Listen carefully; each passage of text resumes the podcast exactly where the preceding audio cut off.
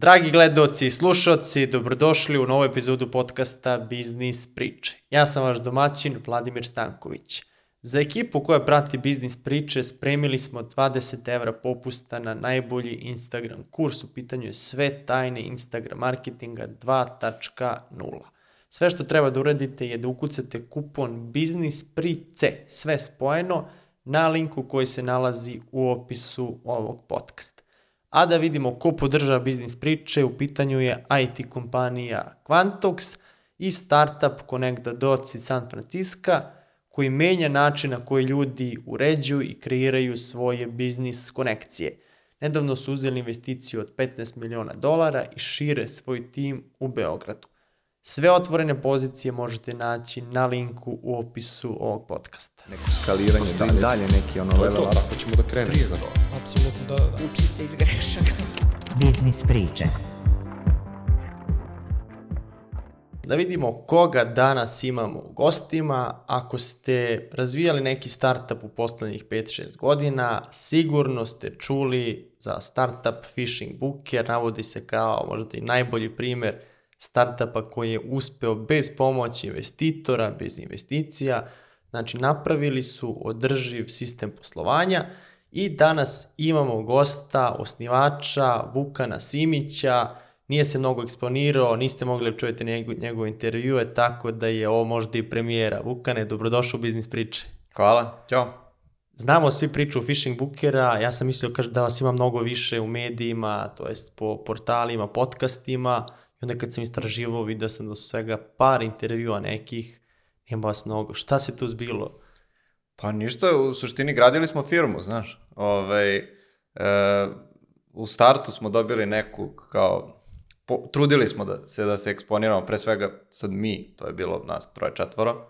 Ovaj i skapirali smo da to ako želimo možemo. Al međutim onda je jako brzo krenuo biznis da diše, da dolaze korisnici, da jednostavno da da da da zahteva potpunu pažnju ovaj svih uključenih i mi smo jednostavno laserski e, promenili fokus na dovlačenje korisnika, izgradnju proizvoda, e, razmišljanja o tome kako da, da, da budemo održivi i to je trajalo godinama, jel? Tako da, da, eto, to, je- Neko to ko, nije, neko ko nije u materi pomisli, "E, pa to je to, ajmo, PR besplatan, međutim to te skrene i sa puta, a, unosi neke nemire u tim, sve ostale stvari, tako da je to pametno dosta što ste, što ste radili. Ti si završio ETF i napravio taj biznis. Ćemo da krenemo te priče, šta si hteo da budeš dok si studirao, sa kojom si namerom upisao ETF.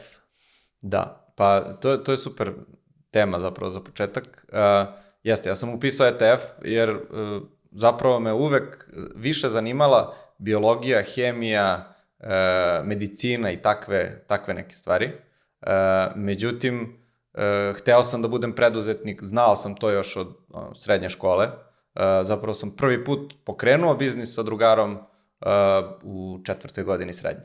I onda jednostavno bilo mi je jasno da ako bi se okrenuo u neku od tih naučnih branši, da ne bi jednostavno bilo moguće da se da, da se preorijentišem u digitalnog preduzetnika, što ovako mi je jednostavno cela karijera bila uh, popunjena projektima uh, softverskim, uh, marketinškim i vezanim za internet. Tako da je to zapravo bio jedini izbor.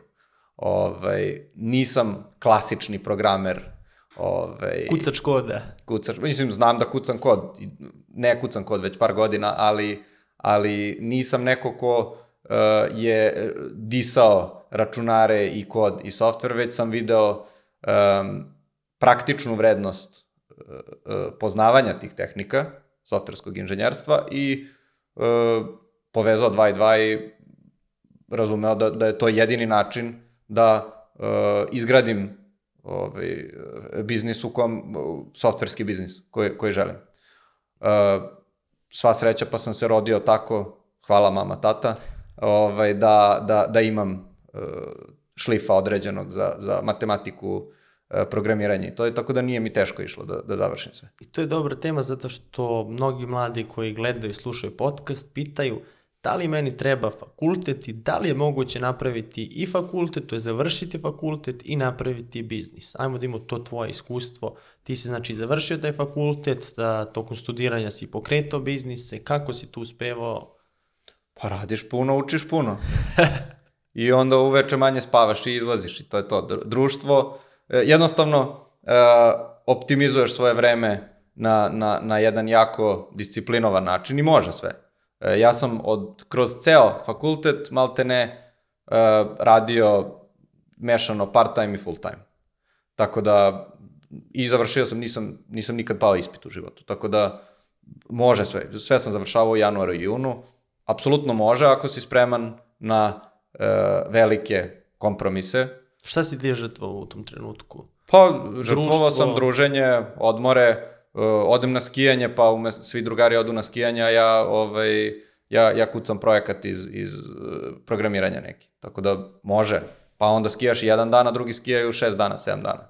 Šta je zanimljivo tih projekata koje si pokretao tad kao student? Aha. E, pa prvi projekat ikad koji sam pokrenuo da, da, da je, da kažem, nešto zaživeo ozbiljnije, je bio servis za rezervisanje e, mesta u kafićima, restoranima, klubovima.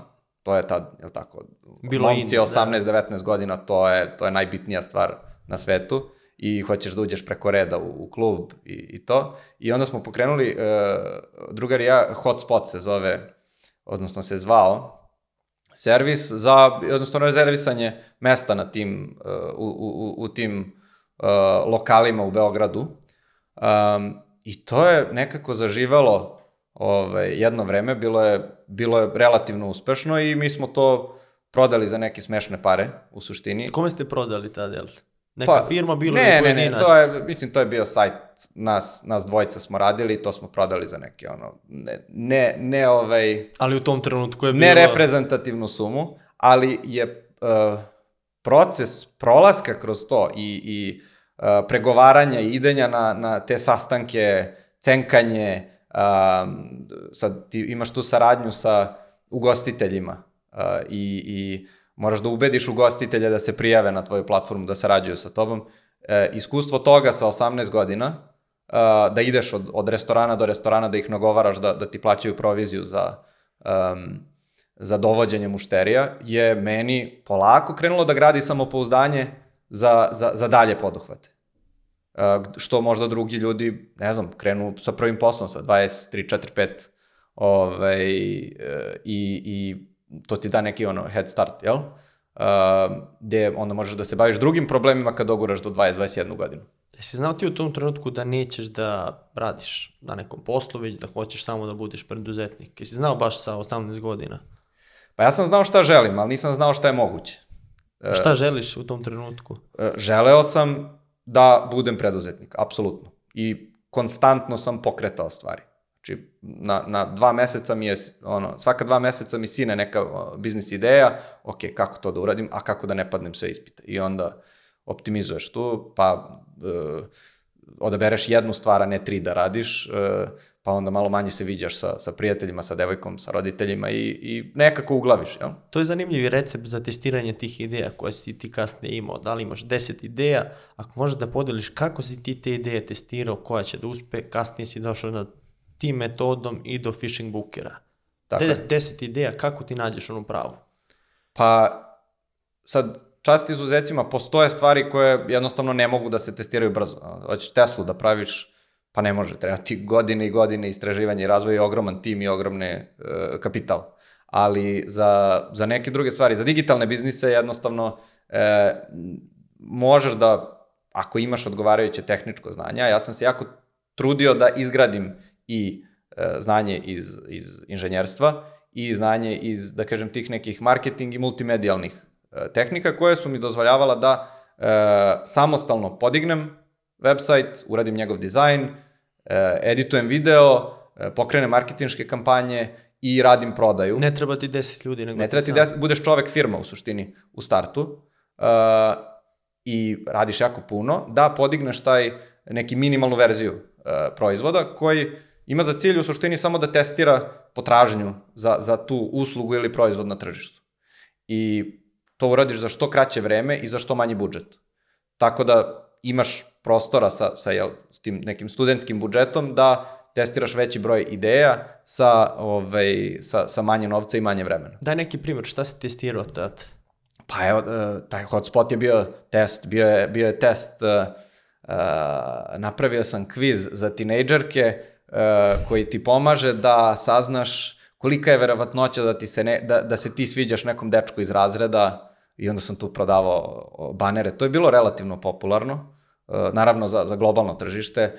Bilo je tu e-commerce proizvoda za, za, za ne znam, za, za iPhone-ove, kad su izašli oni iPhone-ovi, pa smo prodavali prvi put drugarija neke aksesuare za, za iPhone-e za, preko, preko neta, pre nego što su izašli svi ovi štandovi u ušću. Uh, I to je bio profitabilan biznis, međutim, um, nije nam se svidao proizvod i onda smo odustali od toga, jednostavno je bio ono, loše kvaliteta proizvod, onda bilo je tu uh, ne znam, prodaje e-bookova, uh, medijski sajtovi, svašta nešto.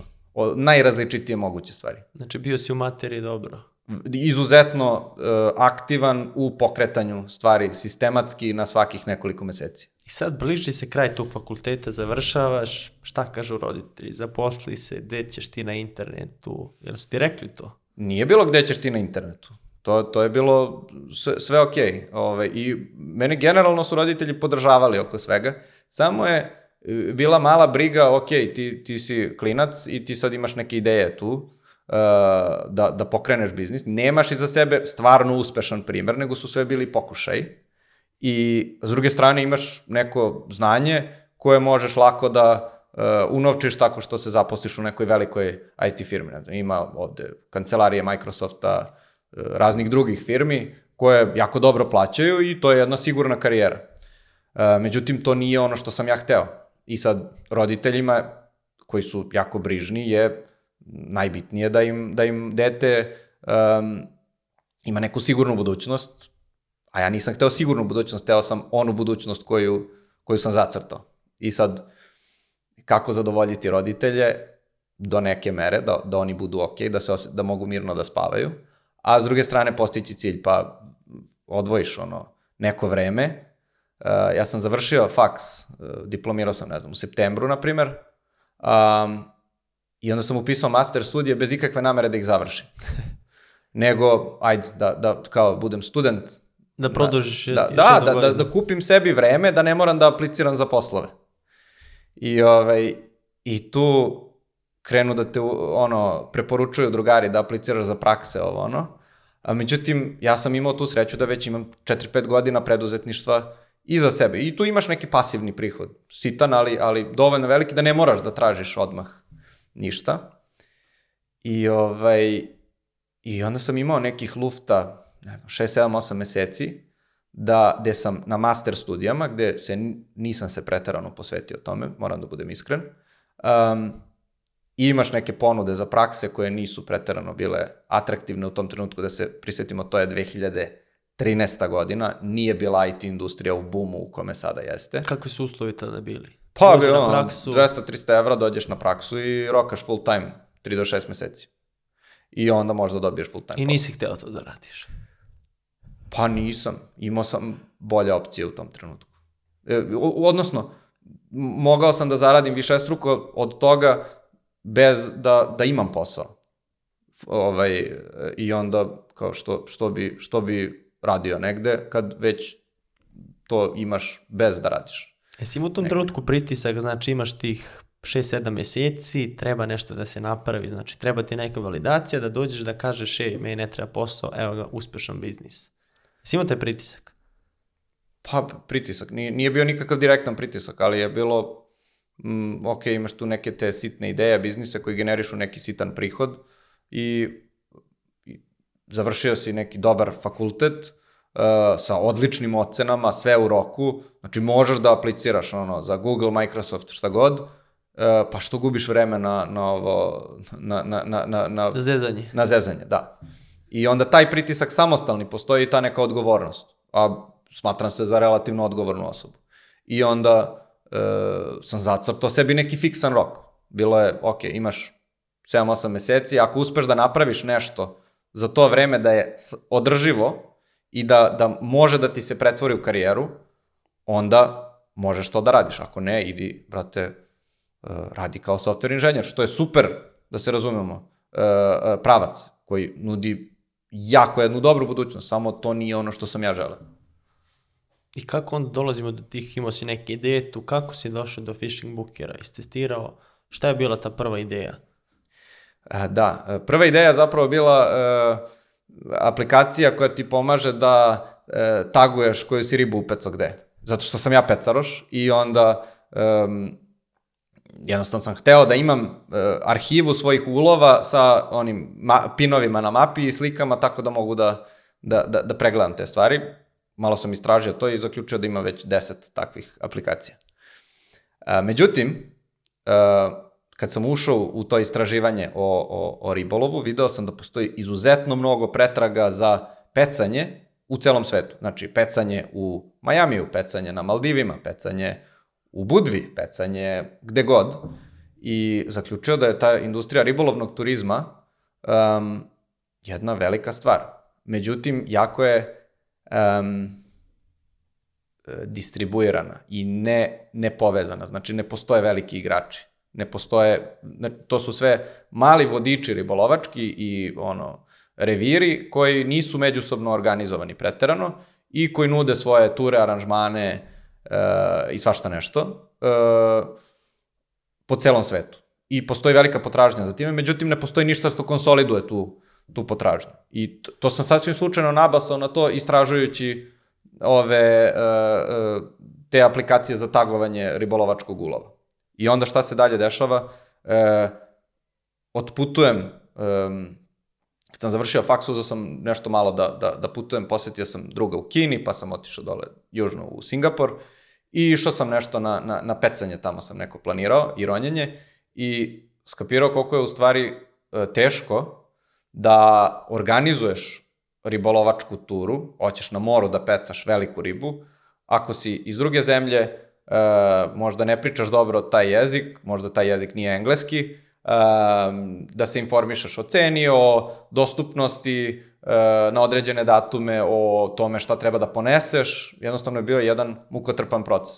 I malo po malo sam povezao da tu postoji jedna jedan problem na tržištu, a to je to planiranje e, ribolova kada putuješ. I da postoje milioni ljudi u svetu koji imaju taj problem, što ovako gledajući iz Beograda nije pretarano intuitivno, većina nas kad po, pomisli ono, šta, šta znači ribolov gledajući iz Beograda ili Smedereva ili ne znam, nije Novog Sada, zamišljaš ono dedu na Dunavu koji ono plovak mu se ovaj, njiše malo na talasima i pije pivo iz, iz nekog malog e, čamčića.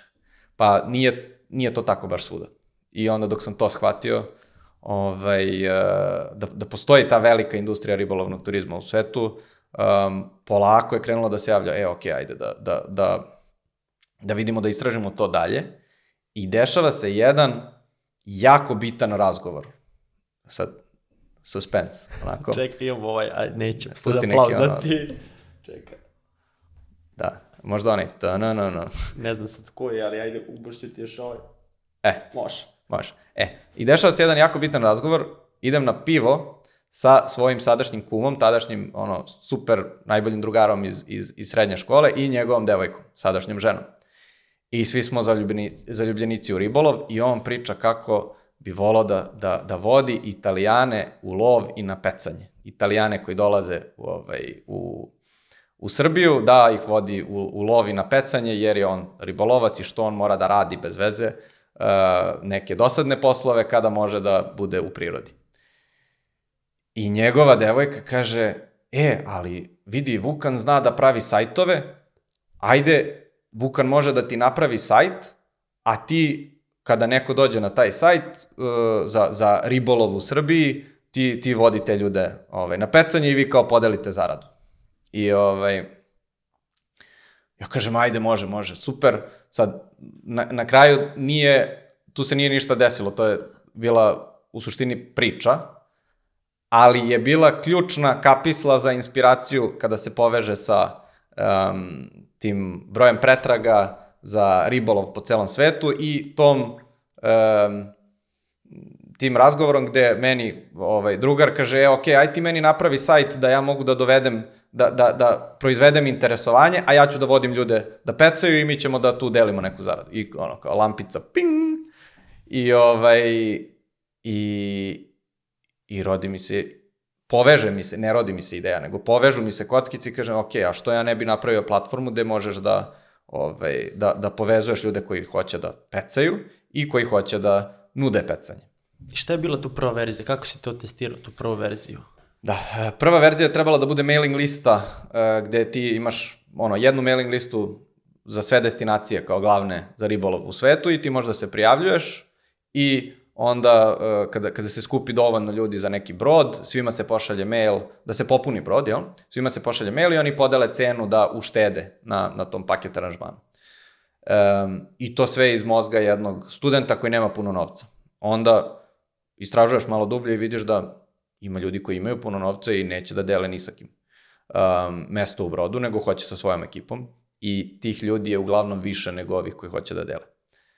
I znači to je u, u toku brzog istraživanja to, u, to sam utvrdio i taj prvi neki test je bio da ono iskodiram sajt koji predstavlja neke ribolovačke vodiče, vodiče na, na, na Maldivima, neke kapetane, jer sam tamo hteo uvek da idem da pecam, tamo ima ludilo tuna, neki GT, to je vrsta ribe, sva, svakakve neke šarene ribice koje nikad nisam imao priliku da, da ulovim i tamo mi je bio san da idem i onda ajde napravim sajt za to i video da ima puno pretraga za, za fishing u Maldivima, na Maldivima. Um, I ja podignem taj website, bukvalno stranicu sa ono, kontakt detaljima, uh, gde nudim organizaciju ribolovačkih tura na Maldivima. I kupim za 100, 100 dolara, 100 evra, šta je bilo, Google oglase za termin Fishing Maldives.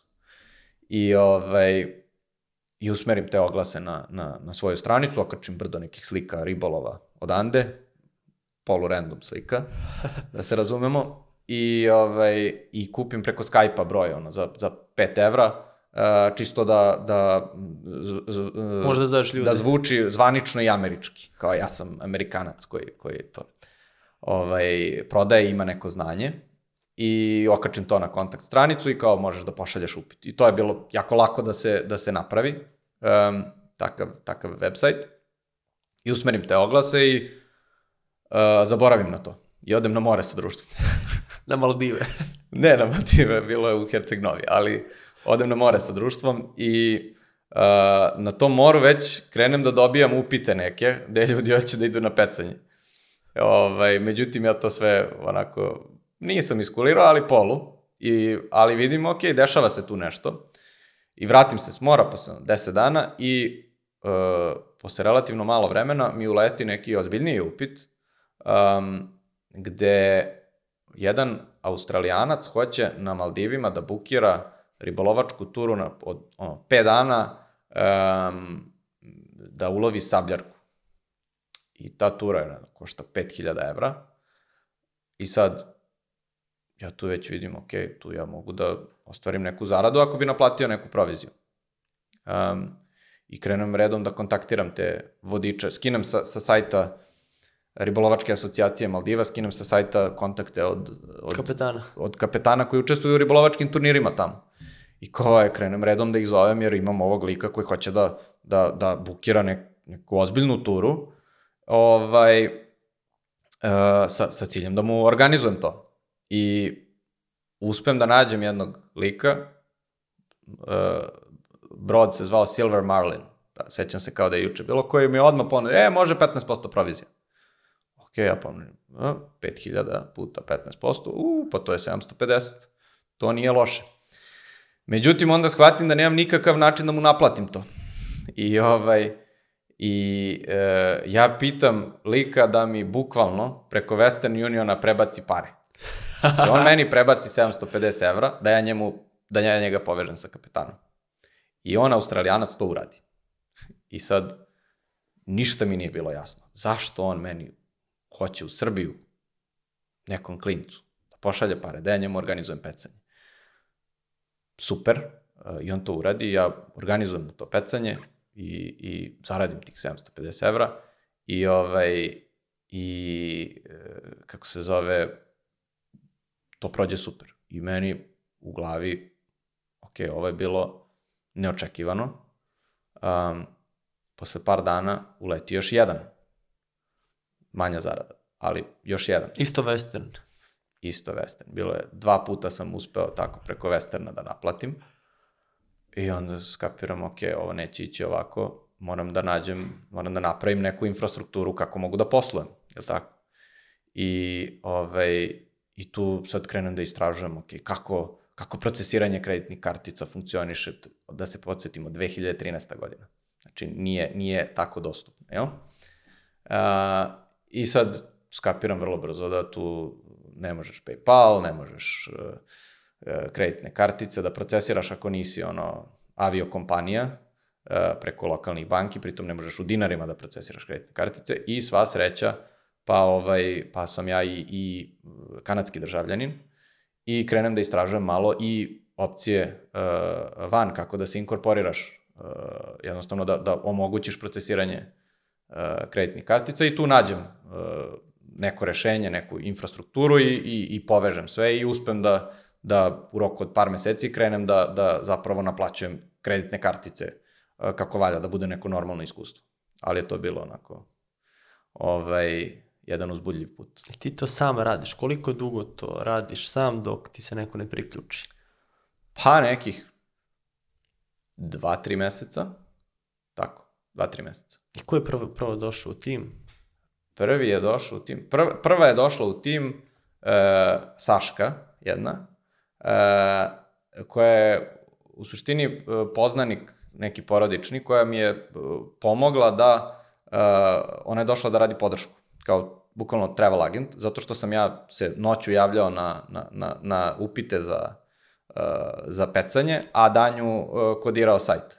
I to nije bilo pretarano održivo jer sam radio 12-13 sati dnevno, a, ovaj, a jednostavno neprekidno si on i dva tipa posla koji nisu međusobno kompatibilni, nisam mogao da radim na proizvodu uopšte. I ona se pridružila da pomogne oko uh, tih procesiranja upita i, i rezervacija. Ona je prva došla, to je bio neki, ha, ja bih rekao, novembar, na primjer, tako, tako nešto. Da, da mi pomogne za ono neke simbolično, skoro sit, sitna lova, više je bilo na, na nekoj prijateljskoj bazi. Ovaj, i, I tu ja krenem da pričam sa društvom, sa faksa, kako, kako to sve, uh, kako krećem u taj biznis ribolova, jel? da tu ima nekog potencijala, da to sam jako uzbuđen.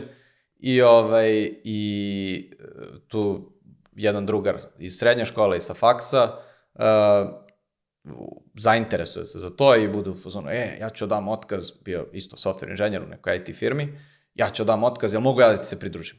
Pa, rekao, ajde, može, što da ne. Dobro, dobro, evo daj mi par meseci, ja ću da krenem full time od februara da radim. I ja ću da ti dovedem uh, brdo ljudi koje poznajem iz ovog nekog ISEC-a. Ovaj, I oni će da pomognu oko prodaje, oko uh, podrške, oko tih stvari. I on uleti tu uh, i dovede, ne znam, troje, četvoro ljudi uh, sa, sa istog ISEC-a, uh, da, da, koji su, mislim, to su bile skoro pa jako sitne pare u, suštini u, u, u tom trenutku, ali je bila ta ideja i, i vizija o vidi ovu jednu oblast uh, potpuno neistraženu, vidi ovu priliku da izgradimo nešto potpuno novo Ove, ovaj, i da rešimo neki problem koji je zanimljiv i egzotičan. I, i možda i zaradimo nešto usput. Ove, ovaj, ta, to nam je bila onako to nam je bio način razmišljanja. Nismo uopšte imali ideju kao gradimo neku IT kompaniju, uh, startup, ovo, ne, više je bilo, e, vidi ovu priliku, uh, možemo da izgradimo sebi budućnost, bukvalno. Uh, koja je relativno nepredvidiva. I onda se... Šta je bio najveći izazov u toj prvoj fazi? Pa izazov u prvoj fazi je da uh, ti gradiš neki marketplace, znači dvostranu tržnicu i nemaš ni, ni ove, uh, nemaš ni ponudu ni potražnju.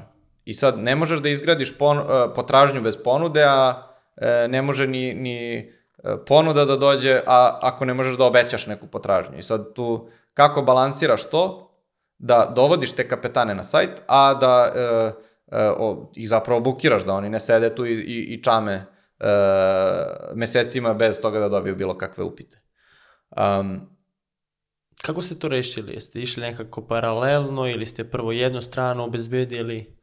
Pa prvo moraš pon, ovu ponudu da izgradiš i tu besumučno zoveš i pregovaraš sa, sa, sa kapetanima. E, išli smo jedno po jedno tržište, znači identifikuješ mesto na svetu gde je dobar ribolov i tu e, jednostavno e, nađeš koji su lokalni profesionalni vodiči koji su dobri, ono, zivkaš ih telefonom, ponudiš im, pošalješ im ponudu, biznis model i ubeđuješ ih da se prijavi. I kad se prijavi njih dvoje, troje, um, onda... Ovi ostali vide. Ovi ostali vide, onda pošalješ neku rezervaciju, uh, jel te usmeriš ove Google oglase ka, ka tom uh, tržištu za taj termin i vremenom, posle par meseci, tu krene da se stvara neka potražnja. Međutim, to uh, je jako neprofitabilno u startu i ti pucaš pare kao ništa na Google. Uh, posle nekog vremena krene to da se vrti kad kažem posle nekog vremena, mislim posle, ne znam, 6, 7, 8 meseci negativnog um, oglašavanja, znači neprofitabilnog oglašavanja, e, dovoljno si poslao već uh, upita na tržište da se stvara neka, da kažem, dobra volja kod tih kapetana koje, koje si bukirao, oni krenu da pričaju sa svojim kolegama i pročuje se da vidi tamo neki fishing booker, neki online biznis, može da ti pošalje rezervacije. Online biznis iz Srbije. Pa da, tu... M, Nisu znali oni tada? Nisu znali da, da, da smo iz Srbije, jer bilo bi im čudno, kao šta, šta, šta je... Nema more, ka. Da, nema more, šta... Uglavnom, mislim, Fishing Booker uglavnom prodaje uh, pecanje na moru i onda nema nikakve logike da uh, jedan uh, takav biznis bude iz, iz neke zemlje koja nema more. Ovaj, tako da nismo to aktivno oglašavali, trudili smo se da što više uh, amerikanizujemo brand firme, jer su to bili glavni klijenti. Um, tako da, da. Koliko je izazov bila tamo uh, komunikacija s kapetanjima, oni nisu nešto vični IT industriji, možda i stari, kako ste s njima uspeli da nađete tu zajednički jezik? Pa trudili smo se da pričamo njihovim jezikom. Um, njihovim jezikom u smislu jezikom, bilo to engleski, španski, koji god, a uh, i takođe da pričamo na način na koji oni mogu da, da da te razumeju. Znači, ne, ne kao IT firma, nego kao servis koji može da ti uh, donese uh, posao. I taj jezik jako dobro razumeju. Znači, mi možemo da ti zaradimo pare. Mi možemo da ti donesemo još klijenata. To apsolutno To je zajednički jezik. Da. On, onaj deo kojim se ne sviđa je mi naplaćujemo proviziju. Taj deo im nije baš prelep, ali dobro. Koja je provizija bila tu u startu? Jeste menjali to? Pa, e, zapravo je ostao relativno sličan e, biznis model. E, provizija između nekih 10 i 30% naplaćujemo i oni to setuju uh, koliko žele da ti daju provizije, uh, zavisno od toga koliko žele biznisa. I sad neko ko setuje 20% ili 25% će više upita da dobija nego neko ko setuje 10%. Jer smo tako napravili da jednostavno ističemo ove koji... Kao Airbnb ili Booking. Pa da, ti, recimo ja mislim da Booking ima vrlo sličan model. Može da boostujete kao tu proviziju i onda da dobija više upita. I to je, mislim, to je neki relativno standardan model u toj industriji uh, rezervacija i, i, da kažem, rekao bi, ugostiteljstva, tura i aktivnosti i tako. U tom trenutku vi ste bili startup i ono što je normalno za startupe, mi ćemo naći investitora, dobiti investiciju i onda ćemo sa tim novcem da gradimo našu priču. Ste razmišljali vi u startu o tome? Razmišljali.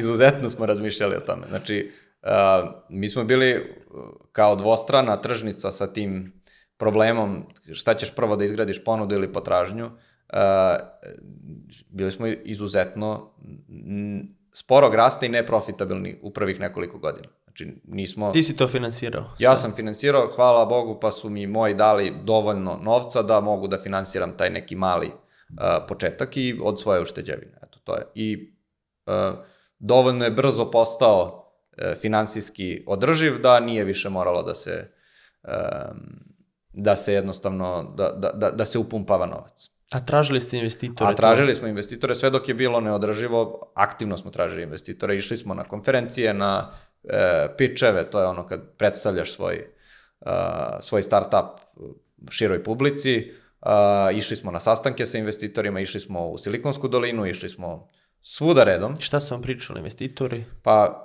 američki investitori su hteli da se preselimo u Ameriku. A ovi lokalni, evropski, nisu imali nikakve probleme sa, sa nama, ali to nisu bili uslovi koje mi želimo. I ti investitori koje mi želimo. Šta znači to? Pa, ima onaj koncept smart money i, i ne tako smart money. Um, mi nismo dobijali ponude, adekvatne ponude od uh, investitora koji mogu da donesu realnu vrednost na 100 izuzev samo novca. I imali smo izuzetnu želju da ostanemo što je duže moguće nezavisni. I onda smo tako odlagali ponude koje nam se nisu preterano e, dopadale i sva sreća pa smo ih odlagali dovoljno dugo i, i nismo dobijali dobre ponude da na kraju smo izgradili uspešan biznis, u smislu održiv biznis koji može da preživi bez investicija uh, i onda smo jednostavno prestali da tražimo. Šta se desilo tu? Je bio neki game changer, nešto što mi je donelo ili veliki broj naročbina, nešto se desilo, pa ste postali profitabilni ili jednostavno vremenski? Hiljadu sitnih stvari. Hiljadu znači, sitnih, Nije znači bila ne jedna velika? Jedna, ne. Znači, bilo je, uh, radiš 3-4 godine na biznisu, uh, isprobavaš stotine ideja i neke od njih upale i donos, donose ti mali boost u, ne znam, u količini poseta na sajt, u tome koliko ti je zarada po transakciji, u uh, tome kako uh, dovodiš nove ove uh, kapetane na sajt. I, I tako hiljadu tih nekih malih iterativnih optimizacija koje bukvalno dokazuješ kao hipoteze. Kažeš, e, ok, ja mislim da ako promenim ovo na proizvodu ili u biznis modelu, desit će se ovo. I to bukvalno dokumentuješ kao naučnu hipotezu i onda skupiš se sa ekipom, vi nešto brainstormujete i kažete, e, ok, ajmo, ajmo da isprobamo ovu ideju, onda uradiš to što si rekao da, da, da ćeš da uradiš i vidiš šta se desi na kraju.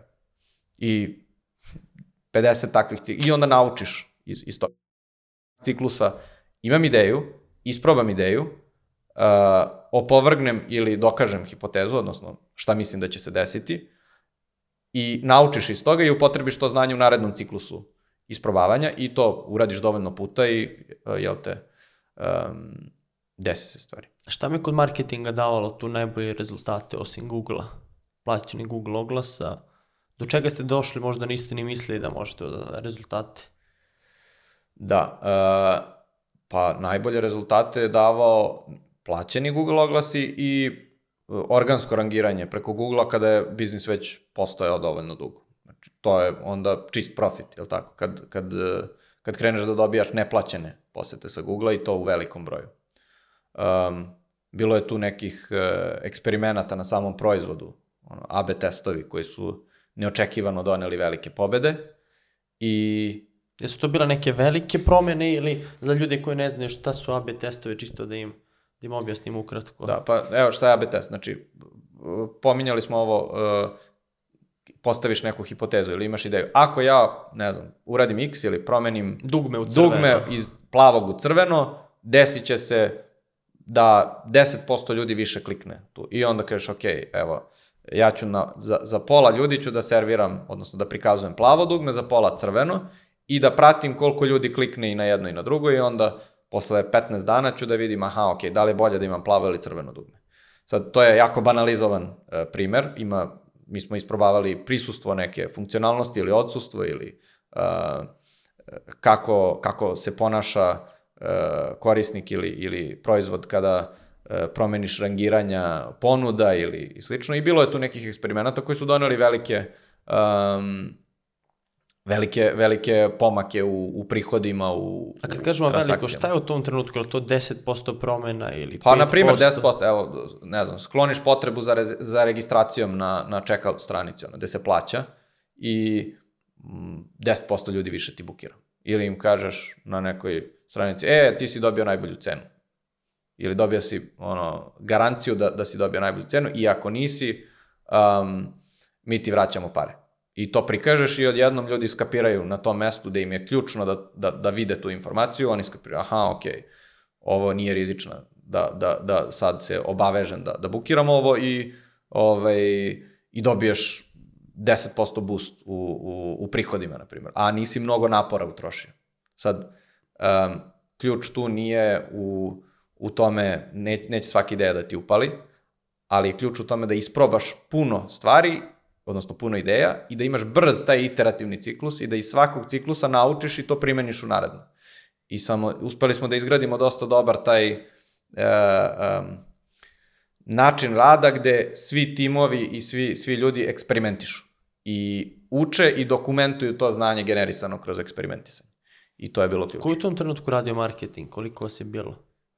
Par nas. Ja, ja sam strastveni marketar, E, ja pa- sam sve vreme, uh, da, To je zanimljivo zato što obično tehnološki startupi znači samo kodiranje, ti si imao tu svestranost i marketing i možda i to dovelo do, do toga da... Da. Ja sam baš bio uh, sve vreme na toj raskrsnici između uh, inženjerstvo, uh, dizajn proizvoda i marketing. I rekao bih da sam jednako vladao svim disciplinama. Ok, školovao sam se kao inženjer, ali uh, moje interesovanje i uh, samostalno školovanje sam dosta investirao u taj marketing i dizajn aspekt i proizvoda. Tako da um, sam uspevao relativno dugo da uh, direktno budem uključen u sve te, u sve te stvari. Kako si nalazio taj kompromis da ne razvijamo samo tehnološko rešenje, već da paralelno jurimo i te korisnike, razvijamo marketing? Verujem da je bilo teško, da najlakše da se zabodeš samo u jednu oblast pa da to radiš. Kako si nalazio taj kompromis? Ok, ne mora da bude savršeno tehničko rešenje, ali moramo da dođemo do toga da zarađujemo na klijentima. Da. Um, pa tu nema, Nema kompromisa. nema, ne, ne, nemaš, moraš da praviš kompromis, ali ne znaš kad ćeš morati da praviš kompromis. Baš zavisi od slučaja do slučaja. Nekad jednostavno tehnički nije preterano kompleksno i onda kompromis te ne košta puno, a nekad je strašno kompleksno i košta te mnogo i nemaš dobro rešenje, pa moraš da e, biraš između dve, tri loše stvari. Znači, i nemaš vremena da ga napraviš i e, ako ga napraviš loše, bit će bez veze i onda kao, ok, šta je manje od dva zla. A imaš i situacije kad ti je e, brzo i jeftino šta god da uradiš. Tako da, mnogo zavisi, treba uključiti mozak, to je, to je poenta. E, ja se trudim da svaku situaciju koja nije potpuni ono template gde ti je savršeno jasno šta treba da uradiš, jednostavno nezavisno donosiš odluku zavisno od situacije i koristiš, vrlo se trudiš da koristiš zdrav razum. I to je, to je i u kulturi firme kao, ok, zdrav razum e, i koristi zdrav razum i e, preispituj stvari kada nemaš jasan odgovor na, na, na, na pitanje ili na dilemu. U kom trenutku si rekao, to je to, napravili smo prvi, prvi uspeh, znači ne moram ništa drugo da radim, roditelji zadovoljni, kad je to došlo? Pa meni je bilo neverovatno da nakon ono nekoliko nedelja, ne znam, mesec dana već uh, neko ti poveri uh, poverenje da mu isplaniraš ribolovačku turu od 5 dana. To je taj Australijanac. Sad, prihod tu nije bio značajan, niti je bio nešto, uh, uh, niti je pravio neku razliku u široj slici stvari, ali je uh, činjenica da je to prošlo tako brzo um, i tako glatko, mi je dala samopouzdanje da se potpuno unesem u, u, u fishing booker. I onda, je, onda su polako dolazile sitne pobede. Nije bilo ni jedna e, epohalno krupna koja kao, e, ovo menja sve. Možda taj prvi put da je neko bukirao, to je bilo, e, ovo menja sve i prvi put kad je neko platio kreditnom karticom i ovo menja sve i onda imaš hiljadu malih stvari koje ovo menja nešto. I gradiš na tim, ovo menja nešto ovo menja ovu konkretnu, o, ovo e, poboljšava ovu konkretnu situaciju i mnogo malih pobeda, ne, imaš 10 pobeda nedeljno, koje su sitne, ali to Inkrementalno. se inkrementalno izgradi u, u nešto što ima smisla. Spomenuli smo investitore, vi ste dobili čak jednu investiciju, međutim to je zanimljiva stvar, vi niste prihvatili tu investiciju. Kako je to izgledalo? Pa ste Da. čak i upali u problem zbog toga. Da, mi, e, to je sad, ne smem da pominjem š, e, i, imena i to, Ma ali ne, mi smo, nismo dobili investiciju, mi smo prihvatili ponudu za investicijom u jednom trenutku i ovaj, i kada smo je prihvatili, zaključili smo da pod jedan e, ne želimo da uzmemo taj novac, želimo da ostanemo nezavisni ipak i istovremeno se desio veliki rast uh, i nije nam više bio potreban novac. I mi smo imali tu zanimljivu situaciju da smo manje više ušli u, u proces e, prihvatanja investicije, gde potpisali smo i neku dokumentaciju, nešto, i onda smo morali da odbijemo i da plaćamo neke penale gde nismo imali baš toliko para da, da, da isplaćujemo penale, naravno to smo sve završili, međutim, ovaj, je, bi, bi, bila je zanimljiva situacija. I onda smo odlučili da više do daljnjeg nećemo uopšte da se bavimo time, nećemo da gubimo energiju na to i trudit ćemo se da izgradimo jedan održiv biznis koji može sam po sebi da, da funkcioniše. Sad, nikad se ne zna kuda, kuda ćete odvesti stvari, ali da, to se jednom desilo, bila je, mislim, 2015. godina. Kako su zaposleni ljudi koji su tu okruženju reagovali na to? Svi su se već nadali, investicija stiže, to nešto menja? Da, bio je revolt. Bio je potpuni revolt. Ti si lud. Ti si lud. Pa sad, nisu svi bili u revoltu, ali bili su neki koji su bili u revoltu, jer sad, bilo je tu e, najava da ćemo da zaposlimo ljude, da kupimo opremu, da, da povećamo plate, da ovo, da ono, i odjednom nema ništa od toga, pošto smo odbili da uzmemo pare. I tu je par ljudi otišlo na kraju dana, jer, ono, rekli smo jedno, a onda kao predomislili smo se. I u tom trenutku je bilo jako teško kad su, kad su ti ljudi otišli, jer su činili neke jako odgovorne role u firmi. Međutim, vremenom se ispostavilo da je to zapravo ojačalo uh, biznis, ojačalo je nezavisnost tog tima koji je ostao i u timu su ostali ljudi koji veruju u dugoročnu uh, perspektivu fishing bookera, a ne, ne jure exit, ne jure brzi exit, odnosno izlaz iz priče. Tako da to je bilo ovako u, u, u perspektivi kad gledamo nazad, super stvar. U, u tom trenutku smo mislili da, da ćemo da puknemo načisto. Otišlo nam je ono, 30% ljudi. Sad mala je bila firma, ne, ne znam nijako ko je bilo malo ljudi, ali uh, neki od ključnih ljudi su otišli. Ti se ponovo vratio kodiranju. Kako si ti uh, hendlovao to, ti si direktor firme, u startu glavni programer, marketing, kako si ti određivao to šta ćeš da radiš i kad se to iskristalisalo da se ti baviš samo tim direktorskim poslom? Koliko je trebalo da dođe do toga? Da, uh, pa rekao bi da je prošlo sigurno neke četiri godine, ako ne i više. Sad, ja sam i dalje uključen u razvoj proizvoda, znači i dalje se bavim um, diskusijama o tome kako napraviti nešto, neki proizvod, da li ulaziti u to. Znači tim nekim product management aspektom i dizajnom proizvoda i dalje uh, učestvujem u tome i uživam u tome i ne planiram da izađem iz toga. Ovaj, ali tako neki 3-4 godine da, da dok sam prestao da kodiram, da radim ono sales calls, da upravljam marketinškim kampanjama, tako. Znači, početni rast je bio izuzetno spor, jer kao što smo rekli, dvostrana tržnica, dok ne izgradiš ponudu, nema ni potražnje i onda to traje mnogo duže nego za neke, na primer, e, servise koje prodaješ direktno ili e-commerce proizvode ili, ne znam, igrice ili, ili slične stvari. Tu ste prvi put, kad ste odbili tu investiciju, našli se pred tim problemom. Kad ste kasnije, ste došli do nekog nivoa bankrota ili da, da ste bukvalno na ivici egzistencije? Ste imali takve situacije kasnije? To je bilo kad smo neposredno posle telog odbijanja.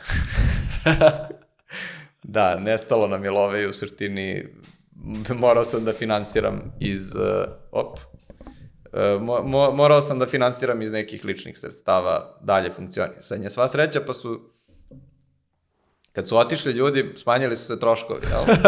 to je dobra stvar. da, i onda smo preživali tu, ovaj, imali smo par meseci fore više, zato što su bili manji troškovi. Tako da, da, bio, de, desilo se jednom, u, u startu, ok, u startu nemaš para, pa nemaš para. I onda si konstantno u bankrotu, nisi u bankrotu, nego nemaš para i onda dodaš nešto i kao, ok, imam za mesec dana. Ali onda, ok, kad malo e, tu zavrtiš e, celu, e, celu priču, e, to dve, dve i, i koje, 14. 15. godine se desilo da nam je nestalo para i morao sam da, da upumpam lični keš koji nije neki veliki bio, da, da držim stvari na, na uh, iznad vode i da ne uzimam platu par godina i da Koliko dugo nisi isplaćivao? Babe uh, i na 200-300 evra. Nauči se čovek. A Koliko dugo nisi isplaćivao platu? Skoro dve godine. Dve godine skoro, nisi. skoro dve godine nisam uopšte uzimao platu, nikako. To je sve ostajala firma i... Da. Ba, mislim, plaćao sam ljude, ali... Pa dobro, da, nisam, ali ti- Nisam sebe. Nije, nije bilo kapaciteta da plaćam sebe. I sad taj pritisak, ok, krenuo si da upumpovaš svoj keš u firmu, znaš da će to da se potroši. Kako te radio taj pritisak u tom trenutku? Ti znaš da će to da se potroši. Šta ako se nešto ne desi, pa ponovo moram da isfinanciram, a nemam? Pa onda, mislim, ogroman je pritisak. Šta ako, kako si se nosio Šta sa ako nemam, a moram, pa ništa, gasiš. Radit ću na, o, Ga- živjet ću sa radiš 100 sam. evra. Ga, ne, gasiš sam. Ne, već živiš sa 100 evra. Znači, gasiš sam. O, i, I sam radiš, to je to. Ali i to je konstantan pritisak i osjećaj da... Znaš šta je isto bitno? Nama je bilo sve vreme jasno da ako dovoljno dugo izguramo, da će biznis postati održiv. Samo je bilo pitanje da li možemo dovoljno dugo da izguramo dok biznis Bez ne postane. investicije. Bez, da. Jer i postojali su jasni pokazatelji da u nekom trenutku ćemo od tog neplaćenog Google uh, um, Oglašavanje. ogla, pa nije ni Reklama. oglašavanje, nego od, od, neplaćenog, od neplaćenih Google poseta, Aha. organskih poseta, da ćemo moći da, da, da imamo održiv biznis, ali za te stvari treba vremena, često i 3-4 godine. I onda um, bilo je fora samo, ajde, izguraj dovoljno dugo da se rangiramo na Google. I onda smo se rangirali na Google i posle toga nije bilo neophodno nikakve investicije, ništa. Znači Google je odradio. Sad kako Google su nam je ovaj, finansirao biznis. Da. Larry Page i sad kako... Hvala ti, Larry. Kako su te promene, ok, imamo prvo Google uh, plaćeno oglašavanje, kako su te promene cene klika, kasnije promene algoritma za SEO, kako su se odražavale na vaš biznis? Pa morali smo konstantno da pratimo to. Znači, stalno čitaš knjige, vesti na temu, isprobavaš stvari, uh, meriš koliko ti je uh, profitabilan plaćeni marketing, koje tehnike koristiš za, za ne znam, content marketing, za eksperimentisanje, za SEO i tako. E, To je obsesija bila na nivou firme. To je fundamentalna veština koju smo mi razvili u firmi. Kako da radiš online oglašavanje i marketing za jedan e-commerce proizvod jako efikasno na malom budžetu. I to, to je neka veština koju smo mi negovali i, odnosno i dalje negujemo i u marketinškim, i u content timovima, i u biznis timovima, i u inženjerskim timovima, jednostavno to je fundamentalno nešto što, što čini su- suštinu biznisa i tu smo izuzetno jaki. A gde su tu društvene mreže? Jesu imale neki uticaj? E, jesu. Imali su uticaj u izgradnji e, ponude. Znači u oglašavanju ka tim kapetanima, ali vrlo ograničen uticaj u, u izgradnji potražnje. Znači u ljudima koji hoće da pecaju. Jednostavno ono, ako na, na Instagramu uh, oglasiš sliku osobe koja peca i kaže, e, hoćeš i ti da pecaš, to nije preterano efikasan način da nabaviš mušterije. Google je desetostruko efikasniji. I za ko onda sad biznis se preporučuje s jedne strane Google, jesu to oni biznisi koji neku generišu neku tražnju, ljudi spremni su sad, ne znam, hoću da idem na Maldive, šta radim, ja kucam, ne čekam da mi iskoče reklama. S druge strane imaš biznise koje vreme nije bitno, neka prodaja. Gdje bi tu preporučio, kome bi preporučio se više fokusira na, na Google nego na društvene mreže? Pa ti si, ti si manje više sve rekao. Znači, u nameri je suština. Znači, da li, da li je potreba za nekim proizvodom ili uslugom uh, prisutna konstantno ili je, potre, ili je akutna. Znači, evo, daću primjer. Um, ja hoću da bukiram hotel na Maldivima. Zašto hoću da bukiram hotel na Maldivima? Pa hoću da idem na Maldive ili ne u Francusku, hoću u Pariz da idem da vodim devojku u Francusku. Um, kad je jednom odvedemo u Francusku i provedemo se lepo u Parizu i vratimo se, meni više ne treba hotel u Parizu. I samim tim ja više nemam nameru da bukiram taj hotel. I džabe, svi baneri na svetu preko Facebooka, Instagrama i to, uh, ja to ne može da podstakne moju potrebu da, da, da idem sa devojkom u Pariz ako sam se tek vratio. Međutim, um, možda ja želim da naučim da programiram. I na osnovu mog profila nekog ili, ili možda želim da zaradim više para, da naučim da zaradim pare preko interneta. I na osnovu mog profila na Facebooku ili uh, demografskog može da se zaključi da sam ja mlad, da imam uh, interesovanja vezana za preduzetništvo i samim tim je relativno visoka verovatnoća da sam ja zainteresovan za to kako zaraditi pare online, na primjer, ili uh, nešto slično i samim tim oglašavanjem meni uh, sa ponudama da naučiš kako da zaradiš pare online je verovatno efikasnije jer ja imam tu potrebu i danas, imaću i sutra i preko sutra i nikad mi neće biti uh, potpuno upotpunjena ta potreba. Znači uvek ću imati želju za još znanja. Eto, to je, to je možda neki, ili, ili nemam pojma, ja sam uh, restoran koji se nalazi na Vračaru i e, verovatno ima smisla da se oglašavam ljudima koji žive u krugu od 300 km od tog restorana. Pa to možeš preko Face, jako efikasno, ili preko Instagrama. I to možda ima smisla, dok druge stvari ne. Ja sam ne znam, sam dao dobar primjer. Dobar, dobar je primjer i baš vidi se da za takav vid biznisa da uopšte nema potrebe s druge strane da se troši mnogo energije. Ljudi misle da društvene mreže, ajmo svi na društvene mreže. Međutim, taj primjer što si dao i za vaš biznis i za druge slične biznise, ljudi Google prva stvar za testiranje. Ajde samo čisto za, za ljude koji sada traže te neke ideje. Kako može iz Srbije preko Google da se istestira ta potražnja? Za ključnim rečima, za tim pojmovima, krstarenje Maldivi, pecanje Maldivi ili neka prodaja? Pa ima, ima Google svoju alatku koja je besplatna i jednostavno... Google Trends ili? E, pa imaš Google Trends, imaš Google Ads, ja više volim Google Ads da koristim i ti sad odeš u Google Ads, imaš neku alatku koja se zove Keyword Planner i ukucaš tu neki termin koji te interesuje ili kažeš hoćeš da vidiš koji su srodni termini i on ti ispiše okvirno, ranije su ispisivali koliko tačno ima uh, potražnja, odnosno pretraga za taj termin, sad ispisuju okvirno, ovaj, za neke veće naloge, ja mislim da prikazuju tačno i dalje, kako, ako im daješ puno para, jel?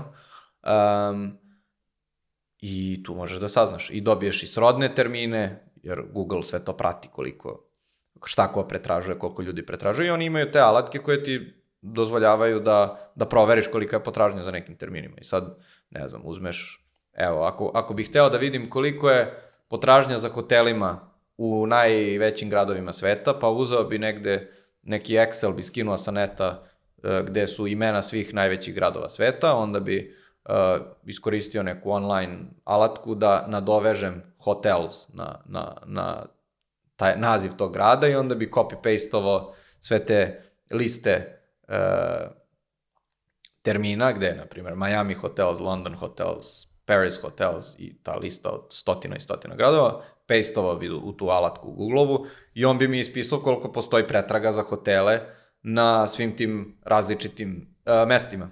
I onda bi znao, aha, ok, Pariz ima najviše pretraga. Sad, ne znam da li Pariz ima najviše pretraga, ali to je primer. Spomenuli smo velike pobede, male pobede, gde su tu neuspesi? Jer bio neki veliki neuspeh koji ono može da prepričaš, ili je to bilo isto sitnih neuspeha koji su kasnije vodili do uspeha? Pa zavisi sad šta je sitan. Bilo je, neus, bilo je brdo grešaka, neuspeha, gluposti koje smo pravili. A iz kog si naučio najviše? Hm. Ne, ne, ne, ne volim ta pitanja. Kao, iz kog si naučio? Naučio sam iz svih pomalo. Ovaj, evo, reći ću ti ne, ne, o, jednu a, banalnu glupost koja nas je koštala mnogo. I nismo mnogo naučili iz nje, ali je smešno. Um, u jednom, kad smo podešavali server još odavno, uh, mi smo podesili server, sad koja je tehnička osoba, će razumeti apsolutno, uh, da prihvata IPv4 uh, trafik. I sad to ima one IP adrese, pa ima V4 i V6 IP adrese. I zaboravili da uključimo IPv6. I to tako stoji, leži, prolaze godine i mi se sad čudimo, stižu nam stalno upiti od, od uh, mušterija, pa zašto vam ne radi sajt, pa zašto vam ne radi sajt, ne mogu da pristupim sajtu, ovo je đubre. Uh, I mi sad razmišljamo, pa ovi ljudi, ljudi su ludi potpuno, ali ima ih dovoljno da nisu svi baš ludi. I nije, nismo imali neki pretarano jak inženjerski tim u tom trenutku, to je par godina od kako smo krenuli, uh, bilo nas je ono, nekolicina inženjera. I ovaj, jedan od njih kaže u fazonu, e ljudi, ali mi ne, ne puštamo IPv6 trafik. I to je tipa 20% poseta. Znači, Mi smo Odrekli ste se- blokirali, odrekli smo se 20% poseta. I odricali smo se aktivno neko vreme. Znači, par godina. Tako da to je možda najveća greška sa negativnim posledicama koju smo napravili. Samo, eto, nepažnja, nedostatak pažnje prema detaljima u tom trenutku, nismo obratili dovoljno ovaj, ener, nismo uložili dovoljno energije u to da podesimo server kako valja i to se rastezalo. Tako i ko zna koliko nas je koštalo nerviranja korisnika, neispunjenih usluga i, i para na kraju dana. Da sad imamo priču od jednog čoveka firme, danas 115 ljudi, kako se ta ekipa širila, šta su bili tu najveći izazovi, Da. ko ljudi da se dovedu, kažem, verujem da je dosta lakše kad je već sve to stalo na noge, imate i priču iza sebe, kako je bilo u tom samom startu privući te ljude koji nisu prijatelji Da, da. da dođu Dobro pitanje. Uh, ovako, tu, znači, u suštini, relativno rano sam ja skapirao da ne mogu sam da, da, da podižem taj biznis ovaj, i, ni iz čega. I morao sam da nađem nekoga, ja nemam co-foundera, to je kao suosnivač, ali sam morao relativno uh, brzo da nađem partnera u biznisu koji bi mogao da, da, da vodi jedan krupni deo um, koji, koji jednostavno u kome ja ili nemam znanje ili nemam kapacitet da se bavim time i da on jednostavno to na jedan nezavisan način vodi, da, ima, da imaš ono ravnopravnog relativno sagovornika gde, gde se dogovarate o pravcu biznisa. To je, to je ključno. I um, tu sam, Dino Delić je došao u firmu 2000, koje je 14. godine, znači jako rano, Ti to bio drugar ili... I nije mi bio drugar, ali smo se nešto poznavali od ranije i on je došao da radi prodaju. Uh, I šta znači prodaja kod nas? Znači ubeđivanje kapetana da se prijave na, na, na platformu. I on je momak došao da radi prodaju, dao otkaz posla za, radio je bukvalno za skoro pa besplatno, um, jer je bio motivisan da video je perspektivu u, u Fishing Bookeru i bio motivisan da bude deo te priče. I bio je spreman da, pošto su po svim različitim vremenskim zonama uh, ti kapetani, bio je spreman da, da spava na kauču uh, na poslu i da zove tipu u 4 ujutru i prespava, uh, znači zove, zove, zove celu noć, onda prespava na kauču i vrati se kući ovaj, u, u 7 ujutru, doručkuje i onda ajmo, ajmo na novo. Znači on je bukvalno spavao na kauču na poslu da bi, da bi ispunio uh, te ciljeve, a to je bilo da, da regrutujemo, da izlistamo e, veliki broj kapetana. A, I to je, on je gurao izuzetno jak tempo tu. Nije imao znanje, nije imao uh, iskustvo, ali je imao neku čeličnu volju i disciplinu da to, da izgura po svaku cenu. I ja sam to primetio. I ovaj, u trenucima kada su se dešavale gluposti u firmi, u smislu ove pominjali smo investicije, nedostatak para i to, on je bio sve vreme, um, verovao je u viziju i nije gledao kratkoročno na, na stvari i vremenom smo izgradili neko partnerstvo tu gde on sad, ja vodim taj neki tehnički deo uh, i, i uh, marketing, produkt i inženjerski deo firme, a on je zadužen za sve ostale, znači podršku prodaju, uh, financije, legal, uh, i, i sve ove vezano za kancelariju uh, poslove. Znači on je COO, ja sam CEO. I tu imamo neki vrlo blizak partnerski odnos. Ovo- Da on je bio ključan, e sad od, od, i on je tu i dan danas, ono, radimo svaki dan vrlo, vrlo blisko. Um, sad od drugih ključnih rola, uh, ono što nam je sada kao izazov, čime se trenutno bavimo je i verujem svaka veća, da kažem IT, odnosno brž, brzo rastuća IT firma u Srbiji, e, to je kako dovesti kvalitetan e, inženjerski kadar na, na jedan održiv način. Što znači e, kvalitetan inženjerski kadar da su ljudi koji mogu da rešavaju jako kompleksne probleme i tehničke i biznis probleme. Um, i da ostavljaju kvalitetna rešenja koja su održiva, znači da, koja mogu da se usavršavaju i održavaju, a da nije samo skucano da radi. A, I da bi mogao da imaš, da zaposliš takve ljude i da oni budu zadovoljni, e, moraš da imaš i ceo jedan uh, sloj lidera u tom inženjerskom timu. E sad, Srbija, zahvaljujući svojoj um, jakoj outsourcing industriji, ima jako malo uh, kvalitetnih inženjerskih lidera. To je ono, direktor inženjeringa, uh, sad engleski termini, VP engineering, director engineering, um, tehnički direktori uh, i, i, i ljudi koji umeju na jedan smisleni način da mentorišu i strukturiraju krupnije inženjerske timove tako da oni funkcionišu efikasno. E, toga nema puno kod nas i, i jako je teško da, da napraviš te ljude, da napraviš, znači da ih naučiš Gde da rade se prave to. ti ljudi? U kojim kompanijama? Velikim sistemima? Pa velikim sistemima, znači to, nemaš potrebu za, za inženjerskim menadžerima sve dok nemaš uh, značajniji broj inženjera. Um, što znači to su uglavnom veće uh, tehnološke kompanije, ne, znate za njihova imena ono, na svetskom nivou um, i ti ljudi su ono, ne znam, svaka od tih firmi ima dva, tri takva menadžera, znači nema, nema ih puno na, na našem lokalnom IT tržištu, verovatno ima ne znam, par desetina kvalifikovanih uh, inženjerskih lidera koji, koji mogu da, da, da kvalitetno obavljaju taj posao. Kako ti da dođeš do njih? Pa praviš ih ili, ili ti padne s neba neko. Slučajno, ono, napusti neku firmu, dođe kod tebe i, i kao ti se zahvaljuješ svim mogućim božanstvima i ostalo. Koliki je tu problem fluktuacija? Posebno u IT kadru. Pa, rekao bih da je veliki. Mi nemamo toliki problem sa fluktuacijom, jer jednostavno trudimo se da vrlo puno ulažemo u ljude i da, Šta znači to?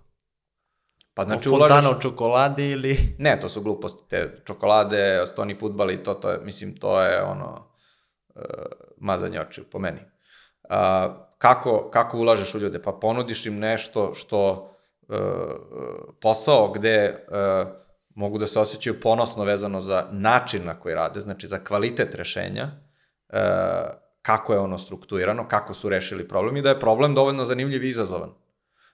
Onda naravno moraš i da ih platiš dobro, da se oni osjećaju kao da su pošteno jel te, kompenzovani za taj talenat i trud i rad koji, koji donose sa sto.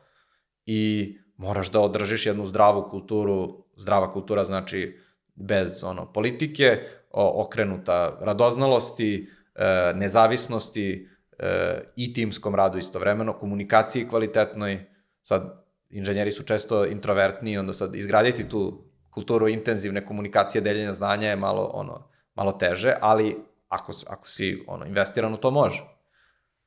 Tako da ulažeš na taj način. I, i stavljaš ih u dodir direktno sa, sa, sa proizvodom, daješ im da eksperimentišu, da vide efekat svog rada, ne samo, e, napravi ovo, nego, e, ajde, ajde da rešimo ovaj problem i da se svi skupimo i da vidimo kako ćemo da rešimo ovaj problem koji imaju korisnici, ajde da vidimo uh, šta nam je ideja, kako da dokažemo da li je ta ideja validna i ajde svi da učestvujemo i da ispratimo šta se desi na kraju. I to takve, takav način rada obično motiviše ljudi jer vide tačno koji je efekat njihovog uh, rada.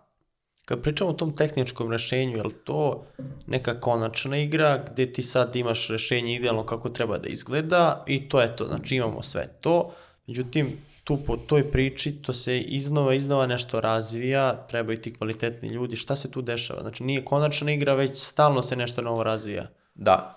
E, pa evo ovako, imaš, da, ne, na prvu pomisao neko bi rekao, e, pa vi ste napravili proizvod, šta vi sad radite tu? Šta radi tu 35 inženjera? Pa, e, evo, evo u čemu je fora. Ti stalno razvijaš nove stvari i stalno menjaš postojeće stvari da bi mogao da podržiš nove stvari. Znači, razvijaš neku funkcionalnost, ne znam, razvijaš loyalty program, na primjer, razvijaš i sad da bi razvio loyalty program softverski, ti moraš da izmeniš kako se plaća, na primjer. I kad izmeniš kako se plaća, to onda utiče na, na kako radi booking sistem. I onda kad izmeniš kako radi booking sistem, znači to vuče neku lančanu reakciju, često. I samim tim, ti uvođenjem novih proizvoda, funkcionalnosti i slično, ti neminovno kvariš postojeći proizvod e, i destabilizuješ ga i updateovanjem, odnosno ažuriranjem tehnologija koje koristiš, što moraš da radiš da bi ti jednostavno bezbednost bila na nivou softvera da ne može da te uhakuje neko i slično, ti stalno destabilizuješ proizvod koji imaš. I eksperimentisanjem, jel? Znači ti imaš neki eksperiment, pokreneš eksperiment, to neko radi na tom. I onda kombinacija svega toga e, dovodi do toga da tebi nikad nije proizvod savršeno stabilan, nego se uvek nešto menja.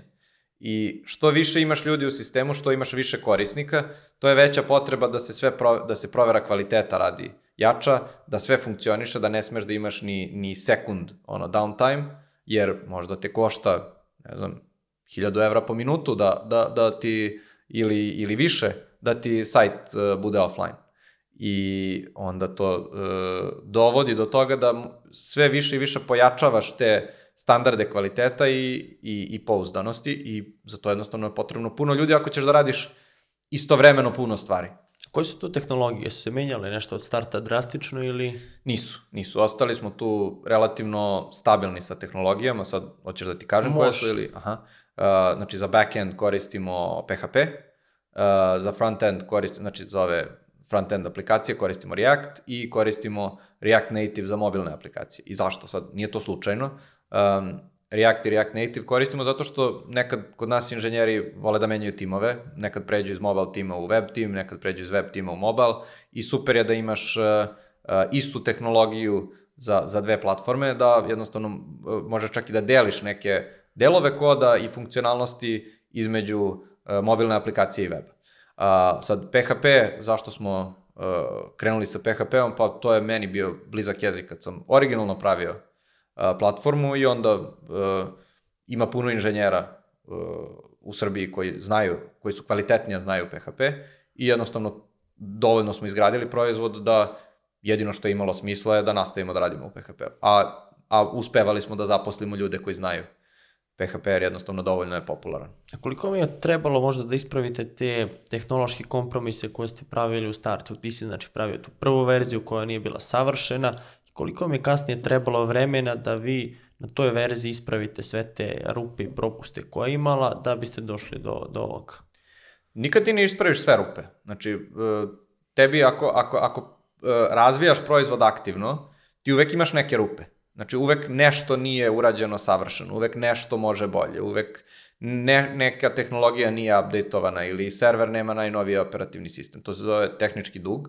I ključ tu je da ga držiš, znači ne možeš nikad potpuno da ga eliminišeš, jer to znači da nisi, ne razvijaš proaktivno proizvod, ali držiš ga u nekim granicama normale i baš, baš paziš da ne raste. E, u prvih nekoliko godina taj tehnički dug, to je ono, kao dugovanje, kao kad duguješ za kredit, moraš da otplaćuješ. E, I mi smo prvih par godina uzeli veliki kredit tehničkog duga, znači radili smo stvari štap kanap samo da rade. Um, I onda smo vremenom, kad, kad smo imali dovoljno novca da zaposlimo uh, dovoljno kvalitetnih inženjera, krenuli da otplaćujemo taj kredit. I otplatili smo ono veliki deo i onda kad smo ga kad smo uh, prepisali te delove sistema koji su urađeni nebezbedno, ne, ono, nekvalitetno, neodrživo, onda kad smanjiš količinu duga, onda se smanji i, i ta akutna potreba da ga po svaku cenu sve E, prepišeš i onda je, je postalo ključno, ne znam, posle 3-4 godine da samo držiš taj nivo tehničkog duga za kritične sisteme da držiš stabilno nisko. I kad, uno, kad uvodiš nove stvari, ok je nekad malo digneš kredit, pa ga otplatiš, pa znači to je više neka ovaj, e, kvalitativna mera. Kako izgleda tvoj radni dan danas kao direktora Fishing Bookera? Imaš neku ustaljenu rutinu? Da, imam. Um, pre podne se pripremam za sastanke, popodne imam sastanke. je li to, to posao direktora? Pa, uglavnom, da. Um, uglavnom, znači, kreneš ujutru, ono, doručkuješ, popiješ kafu, ovo, ono, i, ovaj, uh, i, i pripremaš se, pogledaš svoj kalendar, vidiš šta ćeš da radiš taj dan i kreneš da se pripremaš za ono što te čeka. Znači, koje odluke treba da doneseš, sa kim treba da se vidiš, koga treba da intervjuišeš, eventualno da zaposliš. Jel ti to radiš ili... Pa učestvujem u intervjuima, da. Ne, ne radim ja, uh, ne vodim intervjue operativno, najčešće osim za neke redke slučajeve, ali, ali apsolutno učestvujem u, u, u zapošljavanju, da. I onda sad, uh, u, u toj pripremi, uh, ne znam, odgovoriš na neki mail, na neku internu diskusiju, pokreneš neku diskusiju na temu, neku stratešku, sa, sa timom i jednostavno pripremiš se za ono što dolazi malo kasnije u toku dana, a to je razgovor sa ljudima, koordinacija projekata, koordinacija stavova i donošenje odluka. I tako u krug. A kako usklađuješ to i privatni život? Je li ima tu granice neki ili se prenosi van radnog vremena da, da si uključen u biznis? Imaš, imaš mirni period i ratni period. Znači, uvek se dešavaju, imaš mirne periode da po par meseci imaš ono relativno mirno, više nego 9 do 5, ali relativno mirno. Uh, ono, dođeš na posao, odradiš posao, od, odeš kući, zaklopiš laptop i malo odeš na chat tokom dana, odgovoriš eventualno na neku diskusiju. I ima i perioda kad se desi neka glupost i moraš da reaguješ, bilo da je dva ujutru, uh, nedelja, praznik, šta god. I obično veće gluposti koje se dese uh, ne mogu da se reše baš preko noći. A šta su to gluposti? Tehnološke ili... Ima tehnološke, gde moraš da učestvuješ, da budeš upućen u to kako se rešava. Imaš uh, uh, gluposti uh, administrativne, legalne, uh, koje nevinovno se dešavaju u nekom trenutku. Imaš, uh, desi se da neko ode, neka ključna osoba ti ode iz firme, pa praviš plan tranzicije. Um, desi se da Jednostavno, de, desi se da ne ide poslovanje u pravcu u kome si očekivao da ide, pa moraš da, da menadžuješ ono, očekivanja i, i projekcije koje si napravio i tako. Voliš da pecaš, da čitaš knjige, imaš neke knjige koje bi preporučio, a da su ostavili utisak na tebe? Bile bi korisne za mlade preduzetnike?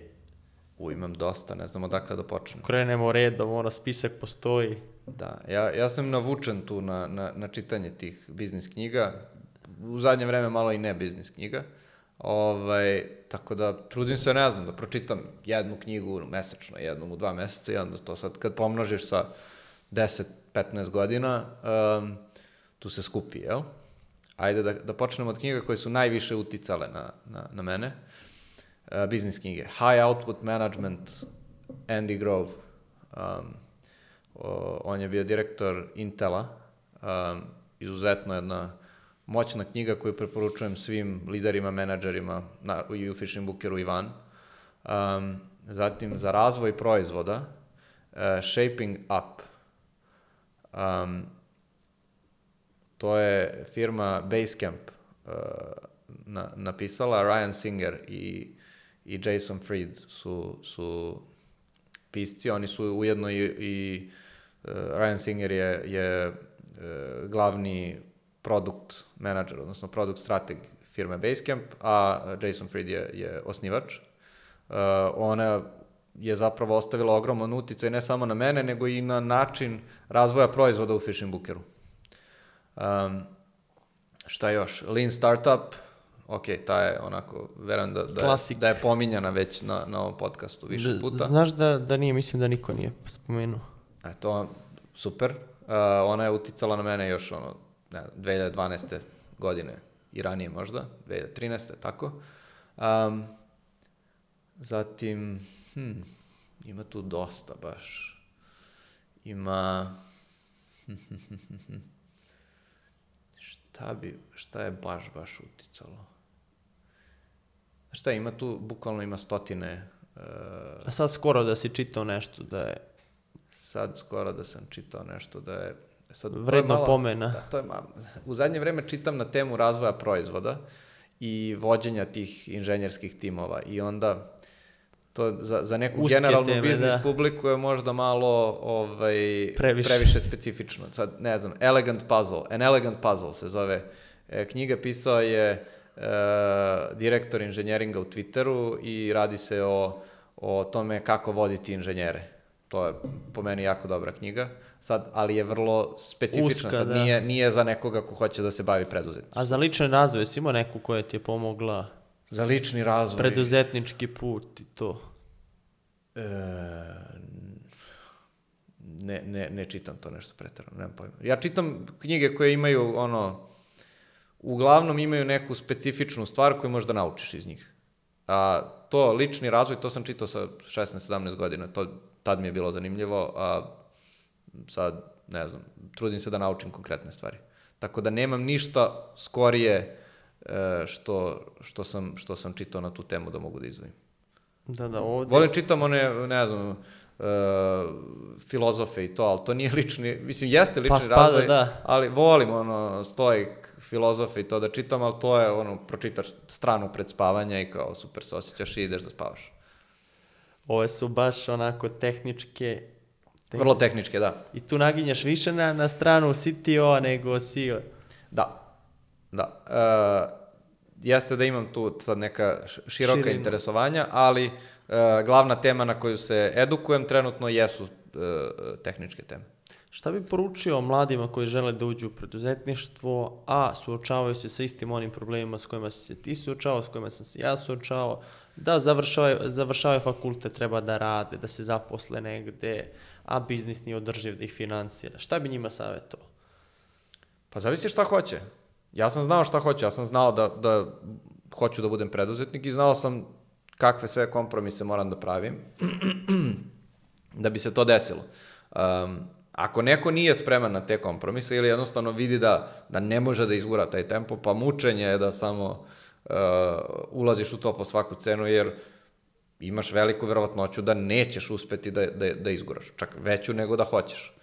I onda, um, ne znam, vidiš, e, moj savjet je vidi šta ti je bitno. Znači, vidi šta ti je bitno i zavisno od toga šta, šta on, da li hoćeš da budeš preduzetnik, da li hoćeš da budeš ekspert na neku usku temu i da budeš jako dobar u tome i jako ono visoko plaćen, plaćena uh, i da ti bude jako zanimljiv uh, posao, da radiš u nekom istraživačkom centru, to je super, to je verovatno zabavnije nego da budeš preduzetnik. Ili hoćeš da radiš u, u većoj korporaciji gde imaš odličan balans ono privatnog uh, poslovnog i jednostavno imaš tu, tu kapacitet da se fokusiraš na prijatelje, porodicu i to, to je super. Ili imaš, uh, imaš ljude koji su jako srećni kao freelanceri. Znači vidi i, i uživaju ogromnu slobodu gde mogu da putuju svetom, sad malo manje zbog korone, ali putuju svetom, rade koliko im treba, uh, sve to je super. Samo je bitno šta, te, šta tebi treba. Spomenuo si sad koronu, to sam zaboravio da te pitam, kada je krenula cijela ta situacija gde vama biznis bukvalno zavisi od tih mera, šta se tu desilo? Imali ste mesec kad je bio katastrofa, Da. E, u aprilu 2020. nam je prihod pao za 96%. I, mislim, verujem kao i većini biznisa ljudi koji su bili strašno zabrinuti, ja sam konstantno imao uh, ružne snove uh, o tome kako zatvaram firmu, kako otpuštam ono, brdo ljudi jer nemamo para da ih platimo i slično. Sva sreća, pa su Amerikanci, koji su ujedno i naše glavne mušterije, uh, jako brzo otvorili svoje svoje, da kažem, ne tržište, nego otvorili su se generalno već u maju uh, 2020. Znači samo mesec i po dana nakon što je krenulo celo ludilo. Um, tako da se nama, pao nam je prihod za skoro 100%, u maju je bio jako traljav i onda je u junu se već oporavio na nivo iz 2019. godine. Um, I onda uh, u, u tom celom novom svetu uh, gde ne možeš da radiš aktivnosti u zatvorenom prostoru, a pecanje je aktivnost u otvorenom prostoru koja ne zahteva daleka putovanja uvek, um, biznis nam je zapravo narastao izuzetno. Znači, doživeli smo rast kakav nismo imali uh, prethodnih godina, baš tu između 2000... Od, znači, 2020. je bila uh, onako neki vrlo umeren rast zato što smo imali par meseci sa nula prihoda faktički, a onda 2021. je kada je pandemija i dalje bila aktivna, uh, odnosno i dalje je aktivna, um, međutim svet je već naučio da mora da se da, da mora da nauči da živi sa time. Uh, tada su se ljudi jednostavno okrenuli aktivnostima u prirodi i to je bila znači prethodna godina je bila godina najvećeg rasta uh, i apsolutnog i, i ovaj i relativnog u proteklih 6-7 godina. Kako su planovi za dalje, naredni period?